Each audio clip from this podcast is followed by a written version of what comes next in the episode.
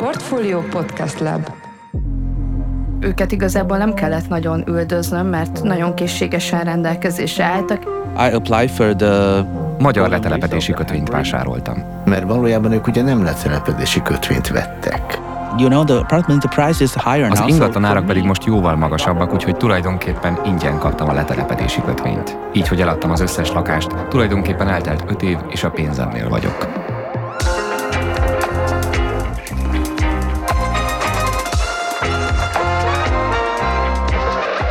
Ez a Telepesek, a Portfolio 6 részes podcast sorozatának első epizódja. Ebben a sorozatban a most 10 éves magyar letelepedési kötvényprogram keretében hazánkba érkezett kínaiak történetét dolgozzuk fel. Én Forrás Dávid vagyok, a Portfolio podcast szerkesztője, és itt van velem Beck Fanni, a CEU doktori hallgatója, akivel közösen fogjuk elmesélni ezt a történetet. Szia Fanni! Szia Dávid! Szerinted hol kezdjük ezt az egészet? Szerintem kezdjük Kájjal. Yeah, hello, my name is Liu Kai. Liu Kai vagyok. Általában csak Kai-nak hívnak, és magyar letelepedési kötvényt vásároltam. Kai egyike annak a sok ezer kínai állampolgárnak, aki letelepedési államkötvény segítségével jutott magyar letelepedési engedélyhez. I'm 36 now. I was born in Tianjin. 36 éves vagyok, Tianjinben születtem Kínában. Ez egy viszonylag nagyváros közel Pekinghez, szóval Kína elég fejlett részén fekszik. Gyorsvasúttal körülbelül fél óra a főváros. Teljesen hétköznapi családba születtem, az anyám és az apám gyári munkások voltak egész életükben. A szüleim kilenc osztályt jártak iskolába, nem mentek gimnáziumba sem. Nyugdíjas korukig egyszerű melósok voltak, tényleg, még csak nem is brigádvezetők vagy ilyesmi. A fizetésük nem volt túl magas, Tientjinben inkább átlag alattinak volt mondható. Nincsenek testvéreim, mert abban az időben Kínában volt egy szabályozás, hogy egy családnak csak egy gyereke lehetett így a legtöbb osztálytársam is egyke volt. Két szülő és egy gyerek. Ez volt a jellemző családmodell abban az időben. Nagyon átlagos általános iskolába jártam, mert Kínában az, hogy melyik iskolába vesznek fel, attól függ, hogy hol laksz. A legjobb általános iskolák körül így az ingatlanárak rendkívül magasra szögnek. A szegény emberek nem engedhetik meg maguknak, hogy ilyen környékeken lakjanak, így pedig esélyük sincs arra, hogy bekerüljenek ezekbe az intézményekbe. Tehát az általános iskolám nagyon átlagos volt. De a szüleim mindig azt mondták nekem, hogy keményen kell dolgoznom, jó eredményt kell elérnem az állami vizsgákon, mert ez az egyetlen lehetőségem arra, hogy szegényből gazdagá váljak.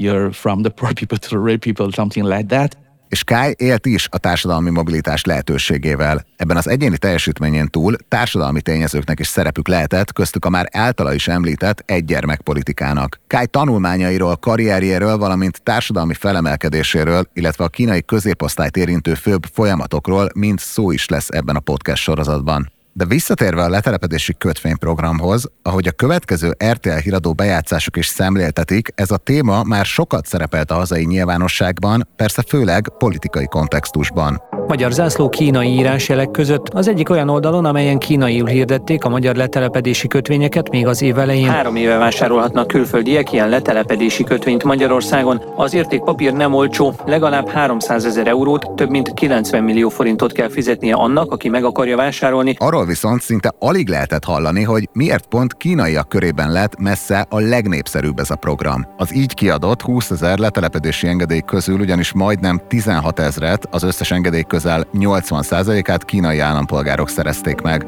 Ebben a podcast sorozatban feltárjuk azokat a képzeteket és vágyakat, melyek a hazánkban letelepedő kínaiakat motiválták, bemutatjuk a globális letelepedési kötvényprogramok szövevényes világát, és arra a kérdésre is keressük a választ, hogy mi köze van ennek az egész történetnek az egyre bővülő kínai középosztályhoz és a gyerekekhez. Mielőtt azonban tovább mennénk, van egy fontos kérdés, amit tisztáznunk kell.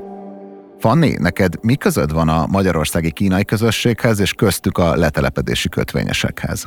Hát ehhez egy kicsit mindenképp vissza kell mennünk az időben. Én 2011-ben végeztem el az eltén a kínai szakot, és abban az időben még nagyon-nagyon kevesen beszéltek Magyarországon kínaiul, és így nagyon hamar megtaláltak azok az ilyen nemzetközi főkép EU-s kutatások, amik az egyes országoknak a migráns közösségeit próbálták felmérni, amihez nagy szükségük volt olyan emberekre, akik tudtak kínaiul kérdőívezni, meg kínaiakkal interjúkat csinálni és nagyon hamar felkeltette az érdeklődésemet ez a tapasztalat az itt élő kínaiak iránt. Először nagyon elkezdett foglalkoztatni, hogy vajon miért jöttek el Kínából, mit csinálnak Magyarországon, hogy töltik az idejüket, Mindenesetre ez egy elég nehéz munka volt, mert a kínaiak, akik ebben az időben Magyarországon éltek, mind egyrészt a város központjától viszonylag messze töltötték a napjaikat, mert hogy attól a központtól, ahol én magam éltem az életemet, így mindig fel kellett szállnom a 9-es buszra, el kellett döcögnöm kőbánya külsőre, és ott hajkurásznom interjú alanyokat, akiket elég nehéz volt megtalálni, mert mindenki folyamatosan dolgozott, és így aki válaszolt a kérdéseimre, annak mindenképpen a saját munkaidejéből kellett erre időt szakítania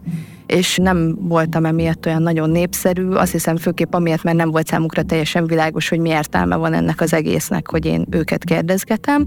És hogy jött ebbe az egészbe a letelepedési kötvényprogram? 2017-ben egészen konkrétan a gyerekeim óvodájában mind a két gyerekemnek az óvodai csoportjában elkezdtek növekvő számban felbukkanni kínai gyerekek, de csak 2018-ban kezdtem el szisztematikusabban kutatni Nyíri Pállal, aki már a 90-es évek óta kutatja Magyarországra költöző kínai bevándorlókat, és 2019-ben pedig már ezzel a témával felvételiztem a CEU doktori iskolájában, ahol erről írom a diszertációmat, vagyis a letelepedési kötvényprogramon keresztül Magyarországra költöző kínai családok példáján keresztül próbálok feltárni egy új típusú migrációs mintázatot. És ők már könnyebben beszéltek, ugye jól értem, akkor az előző alanyaid, ők korábban érkeztek Magyarországra, a kötvényesekkel mennyire volt könnyű felvenni a kapcsolatot? Ez egy hatalmas életszínvonal emelkedés volt az életemben, mert őket igazából nem kellett nagyon üldöznöm, mert nagyon készségesen rendelkezésre álltak. Egyrészt ott voltak azokban a terekben, ahol én eleve, mint egy középosztálybeli anyuka élem az életemet, tehát a gyermekeim oktatási intézményeiben, a játszótereken, a Városligetben,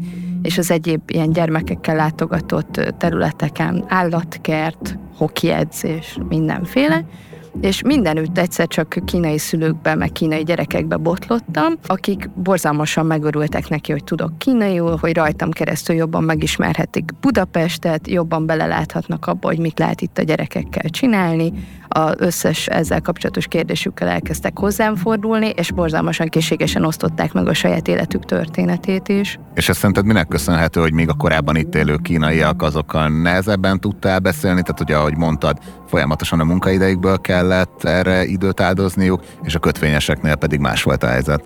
Hát szerintem egyértelműen ilyen szuper praktikus oka van ennek kizárólag, tehát az, hogy nekik nem volt szabad idejük, illetve a szabad idej, vagy sokkal-sokkal kevesebb szabad idejük volt, és azt a kevés szabad időt pedig nem azzal szerették volna eltölteni, hogy egy kutató kérdéseire válaszolgatnak. A kötvényprogramon keresztül ide költöző családok, akiket én ismerek, ők többségükben nem végeznek Magyarországon kereső tevékenységet, hanem a teljes életüket a gyermekek nevelésének, illetve a háztartás vezetésének szentelik, így pont van annyi szabad idejük, illetve szabad energiájuk, amit szívesen fordítanak a helyi lakossággal való ismerkedésre. Ugye arról már Kály beszélt, hogy viszonylag szerény körülmények között nőtt fel, és a sorozat későbbi részében lesz is arról szó, hogy hogyan küzdötte fel magát középosztálybeli életszínvonalra, de önmagában az mennyire különös, hogy egy középosztálybeli kínai megengedhet magának egy akkora befektetéssel járó programot, mint a magyar letelepedési államkötvény program? globális viszonylatban a magyar kötvényprogram egyáltalán nem számított drágának, sőt kimondottan az olcsóbbak közé tartozott. A másik pedig az, hogy kínai viszonylatban ez a pénz egyáltalán nem számított soknak, tehát azok közül, akikkel én beszélgettem, interjút készítettem, megismerkedtem, egyikük sem a középosztály felső szegmenséhez tartozott, tehát kimondottan nem elit figurák voltak, hanem sokkal inkább a középosztály leszakadó vagy maximum középső szegmenséhez tartozó emberek. Illetve az, hogy Kínában egy ennyire széles középosztályról beszélhetünk, önmagában is egy iszonyú érdekes kérdés, mert az, hogy Kína nem pusztán egy kapitalista állam, hanem egy diktatórikus kapitalista állam, egy olyan fordulatot ad az egész középosztály keletkezésének, ami tulajdonképpen sehol máshol nem ennyire egyértelmű a világon, mégpedig az, hogy az állam teljesen tudatosan és célirányosan hozta létre ezt az osztályt. Nyilván többfajta eszköz állt a rendelkezésére ebben, de a leges legfontosabb, ami egyértelműen hozzájárult a, a politika sikeréhez, az az egygyerek politika volt, amiről K. is említést tett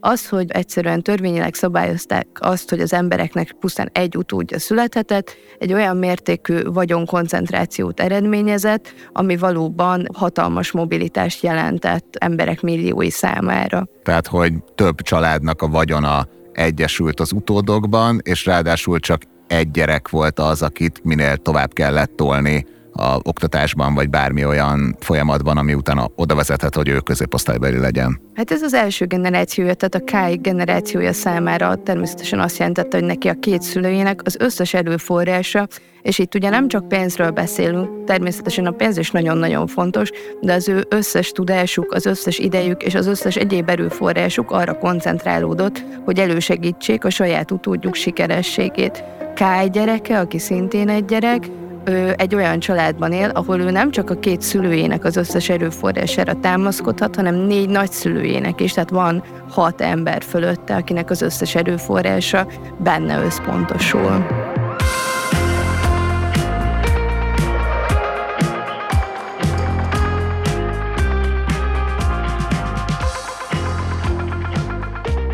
Ahhoz, hogy jól kontextusba tudjuk helyezni azokat a középosztálybeli kínaiakat, akik letelepedési kötvényel érkeztek Magyarországra, előbb tisztázni kell a magyar kötvényprogram kereteit. 2013 és 2017 között bárki, aki az első időszakban 250 ezer euró, majd pedig 300 ezer euró forrást biztosított a magyar államnak 5 évre, az a saját maga és közvetlen családtagjai számára magyar letelepedési engedélyhez juthatott. Egy ilyen papír előbb csak magyarországi tartózkodásra és letelepedésre, valamint vízummentes Schengeni utazásra ad lehetőséget, viszont ha valaki 5 évet eltölt Magyarországon, akkor általánosságban elmondható, hogy onnantól már az EU-ban bárhova el elköltözhet, csak úgy, mint egy magyar állampolgár. A programban való részvételhez nem a magyar államkincstárnál kellett lejegyezni államkötvényt, hanem olyan cégeknél, melyeket a jogalkotó jelölt ki. Ezeknek a vállalatoknak a kötvényvásárló ezen felül változó, de jellemzően 60 ezer euró, tehát akkori árfolyamon számolva körülbelül 18 millió forintos közvetítői díjat fizetett. Ezen felül a kötvényesek a befektetésük után pénzt nem kaptak, mivel azok kamata szintén az értékesítő céget illette. A program sok kritikát kapott, egyebek mellett a törvényalkotás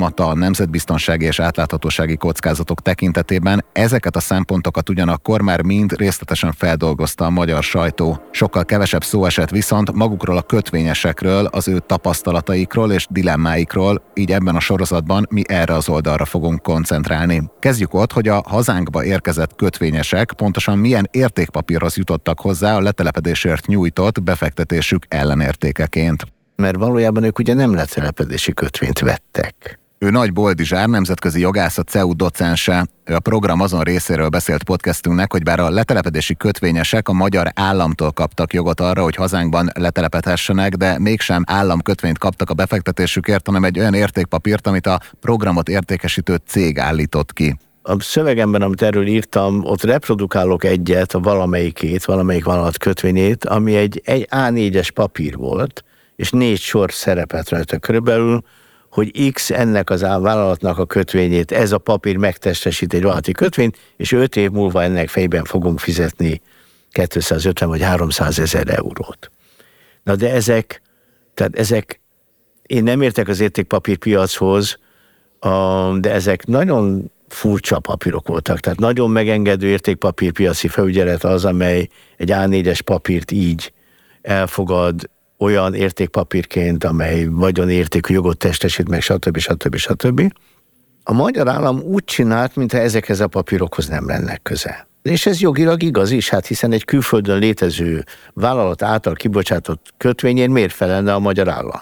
A magyar állam biztos azért felel, hogy ennek a vállalatnak megadja a pénzt, de azért nem felel. Most ez egy a, a prudens pénzügyi gazdálkodás szempontjából egy nagyon rossz döntés, Azért nagyon rossz döntés, mert ha valamelyik vállalat nem teljesít, akkor természetesen a befektető azt fogja gondolni, hogy de hát én a magyar államnak adtam kölcsön. Igaz, hogy az általa kijelölt monopól helyzetet élvező és az állam által formális, a parlament által meghatalmazott vállalat révén de mégis én azt gondoltam, hogy az államnak adtam kölcsön, hiszen az állam tett nekem viszontszolgáltatást azzal, hogy letelepedési engedélyt adott. Most azonban, amikor én kérem vissza öt év után a pénzemet, most az állam nem teljesít, hát nem kapom vissza a pénzem. A magyar kommunikáció, tehát a, a tömegtájékoztatásnak szánt kijelentések, azok végig arról beszéltek, hogy a befektetők magyar államkötvényt vesznek. Holott soha nem vettek egy percig sem. A kínaiak számára ugyanakkor volt még egy megoldás, ami bár drágább volt, de kisebb kockázattal járt, mint a 300 ezer eurós befektetéssel, és jellemzően 60 ezer eurós kezelési költség kifizetésével működő opció. Kétféleképpen tudtunk jelentkezni. Ő megint Kai, akinek a történetét a teljes podcast sorozatban követni fogjuk. One way is you have to pay 300,000 euro az egyik út az volt, hogy be kellett fizetni 300 ezer eurót, és azt öt év múlva talán visszaadták volna. A másik lehetőség az volt, hogy 170 ezer eurót kell fizetni, és azt soha nem adják vissza. Én a másodikat választottam, mert a 170 ezer euró kevesebb, mint a 300 ezer euró. Így számomra ez biztonságosabbnak tűnt. Ha nem akartál kifizetni 300 ezer eurót, akkor találtak neked egy pénzügyi szervezetet, bankot vagy magánszemét, nem tudom pontosan, amely kifizette helyetted a magyar államnak a szükséges pénzt. Neked meg csak a hitelezőknek kellett kifizetni a kamatot meg a profitot. Szóval én a második opciót választottam. A két összeg különbségéből pedig ingatlant vettem. Úgy gondoltam, hogy ha lakást veszek, akkor az legalább az enyém lesz. De ha az összes pénzt másoknak adom, akkor fogalmam sincs, hogy mi lesz öt év múlva. És ami vicces, hogy a pénz megmaradt részét arra használtam, hogy lakást vásároljak. Az ingatlanárak pedig most jóval magasabbak, úgyhogy tulajdonképpen ingyen kaptam a letelepedési kötvényt. Így, hogy eladtam az összes lakást, tulajdonképpen eltelt öt év, és a pénzemnél vagyok.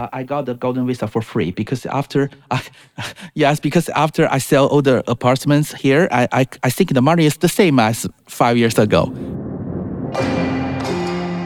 hazánkba érkezett kötvényesek összetétele szempontjából van még egy érdekes vetülete ennek a programnak, ez pedig az, hogy miért túlnyomott többségében kínaiak éltek a felkínálkozó lehetőséggel. Ez egyáltalán nem tűnik véletlennek, Alapvetően ugyanis az országgyűlés kínai tagozatához tartozó képviselők jegyezték a programnak megágyazó jogszabályt, és ebből az irányból kapták az indítatást is a letelepedési kötvényprogram elindításához. Emellett pedig messze a legtöbb kötvényt az a cég adta el, amelyik Vietnám mellett Kínában árulhatta az engedélyeket. Ez a Hungary State Special Debt Fund volt. Ehhez a céghez köthető a körülbelül 6500 befektető közül több mint 5000. A családtagok tekintetében pedig 13300-ból több mint 10300 volt ki kínai állampolgár. Ez mindkét esetben körülbelül 80%-os arányt jelent. Bár a letelepedési engedélyt értékesítő cégek jellemzően külföldön működtek, nyilatkozniuk kellett arról, hogy kik a tulajdonosaik. Ez szerint a Hungary State Special Debt Fund mögött más magánszemélyek mellett ott volt Simon Wu is, akinek fontos magyarországi érdekeltsége is van, így pedig nem zárható ki, hogy ő is része lehetett annak a körnek, aki inspirálta a magyar letelepedési programot.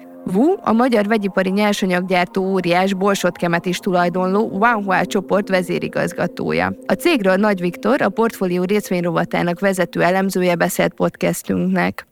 A Vanhu cégcsoport a világ egyik vezető vegyipari és műanyagipari cége. A termékeik egyébként itt vannak körülöttünk, tehát hogy mindenki ismeri ezeket. Háztartási elektronikai eszközökhöz, például játékkonzolokhoz, barkács eszközökhöz, routerekhez gyártanak műanyag termékeket. Világszerte vannak egyébként a vállalatnak fejlesztési központjai, de ami a gyártást illeti, tehát gyártási helyszíne az a mai napig csak Kínában, illetve Kazincbarcikán van, tehát a magyarországi helyszínen. Nagyjából egyébként egy MOL csoport szintű vállalatról beszélhetünk, hogyha az árbevételt és a profit profitot nézzük.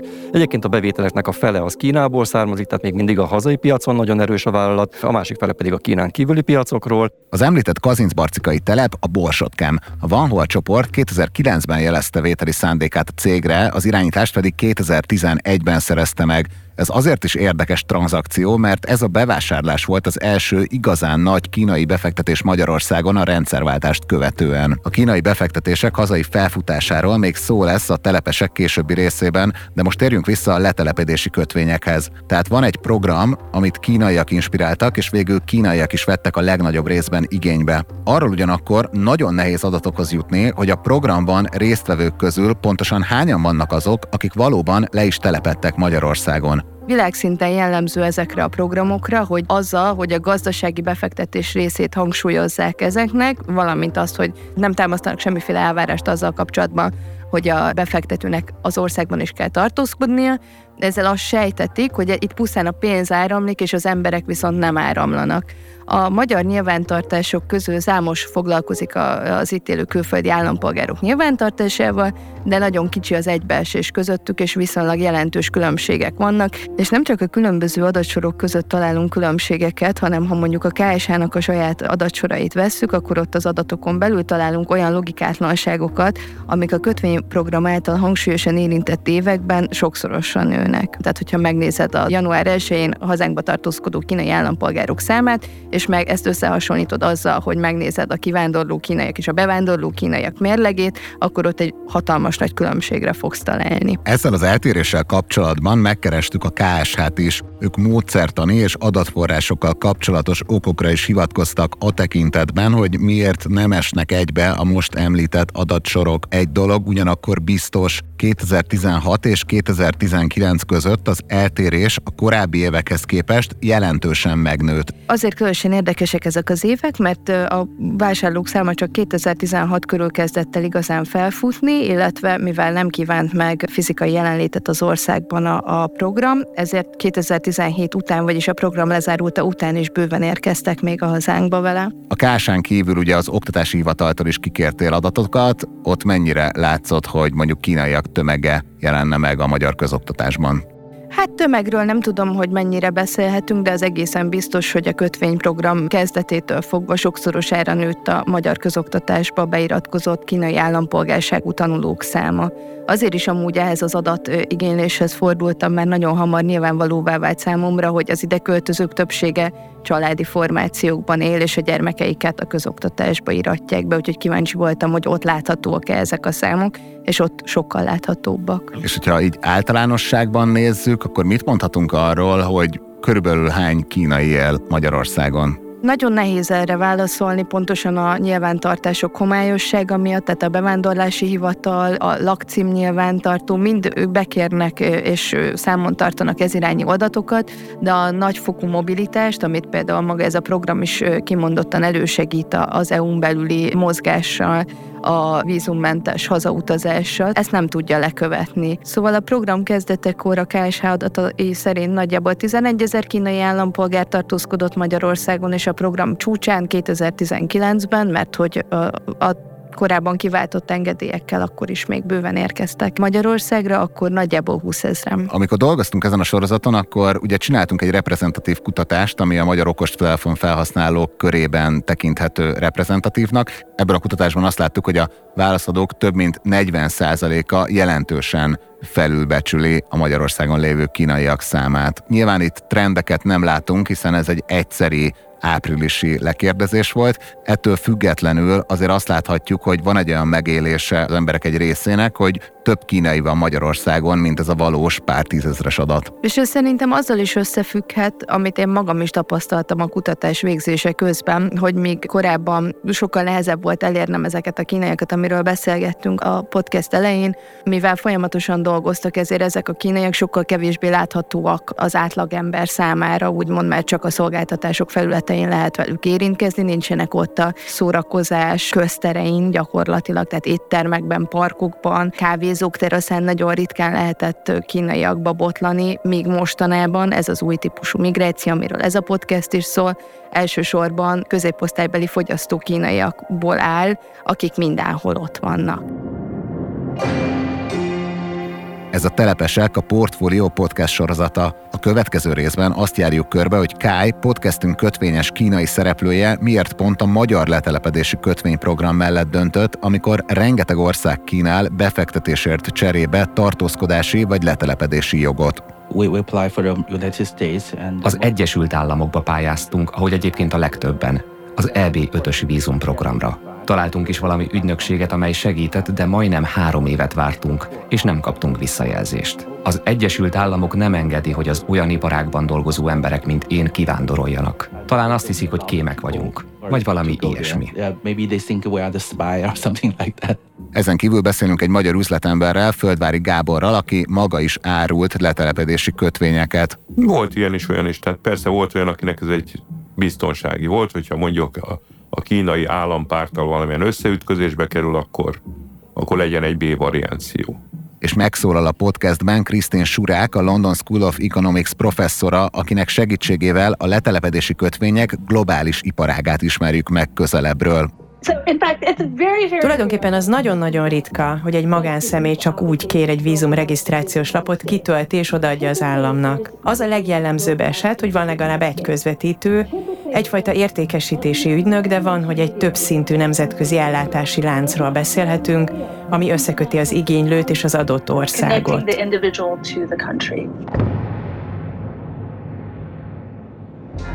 Ez a Telepesek, a Portfolio Podcast sorozata. Új epizóddal szerdánként jelentkezünk a Spotify-on, az Apple Podcast-en és gyakorlatilag bárhol, ahol podcastek elérhetők a neten. Ha tetszett az adás, akkor kövesd a Telepesek Podcast csatornáját, így biztos nem maradsz le a következő részekről. Ezen kívül kérjük, hogy értékelj is minket azon a platformon, ahol ezt az adást meghallgattad, ez sokat segít nekünk abban, hogy mások is megtalálják a sorozatot. A telepesekhez készített interjúkat a közérthetőség és a narratíva alkotás kedvéért szerkesztettük és vágtuk. A telepesek gyártásában részt vett Csiki Gergely. Zene és sound design Tövisházi Ambrus. Grafika Tóth Tesszéri Vera. Kály magyar hangja Hevesi László, Krisztin Surák magyar hangja Boncser Sára. A podcast sorozat társházigazdája írója és producere Beck Fanni és Forrás Dávid. A telepesekből új rész szerdánként jelenik meg, addig is ajánljuk a portfólió csoporthoz tartozó többi podcastet. Ha vezető magyar gazdasági szakemberek karrierútjára vagy kíváncsi, akkor keresd meg az első yardot. Ha naponta jelentkező hírelemző adásunkat szeretnéd hallgatni, azt Portfolio Checklist néven találod meg szinte minden podcast platformon. Lapunk többi műsora pedig a simán Portfolio névre hallgató podcast csatornán jelenik meg. Itt követheted Alapvetés című, agrár- és élelmiszeripari sorozatunkat, valamint a Portfolio heti podcastjét is. A telepesekből új epizód tehát szerdánként jelenik meg az összes nagyobb podcast platformon, és persze a Portfólión is.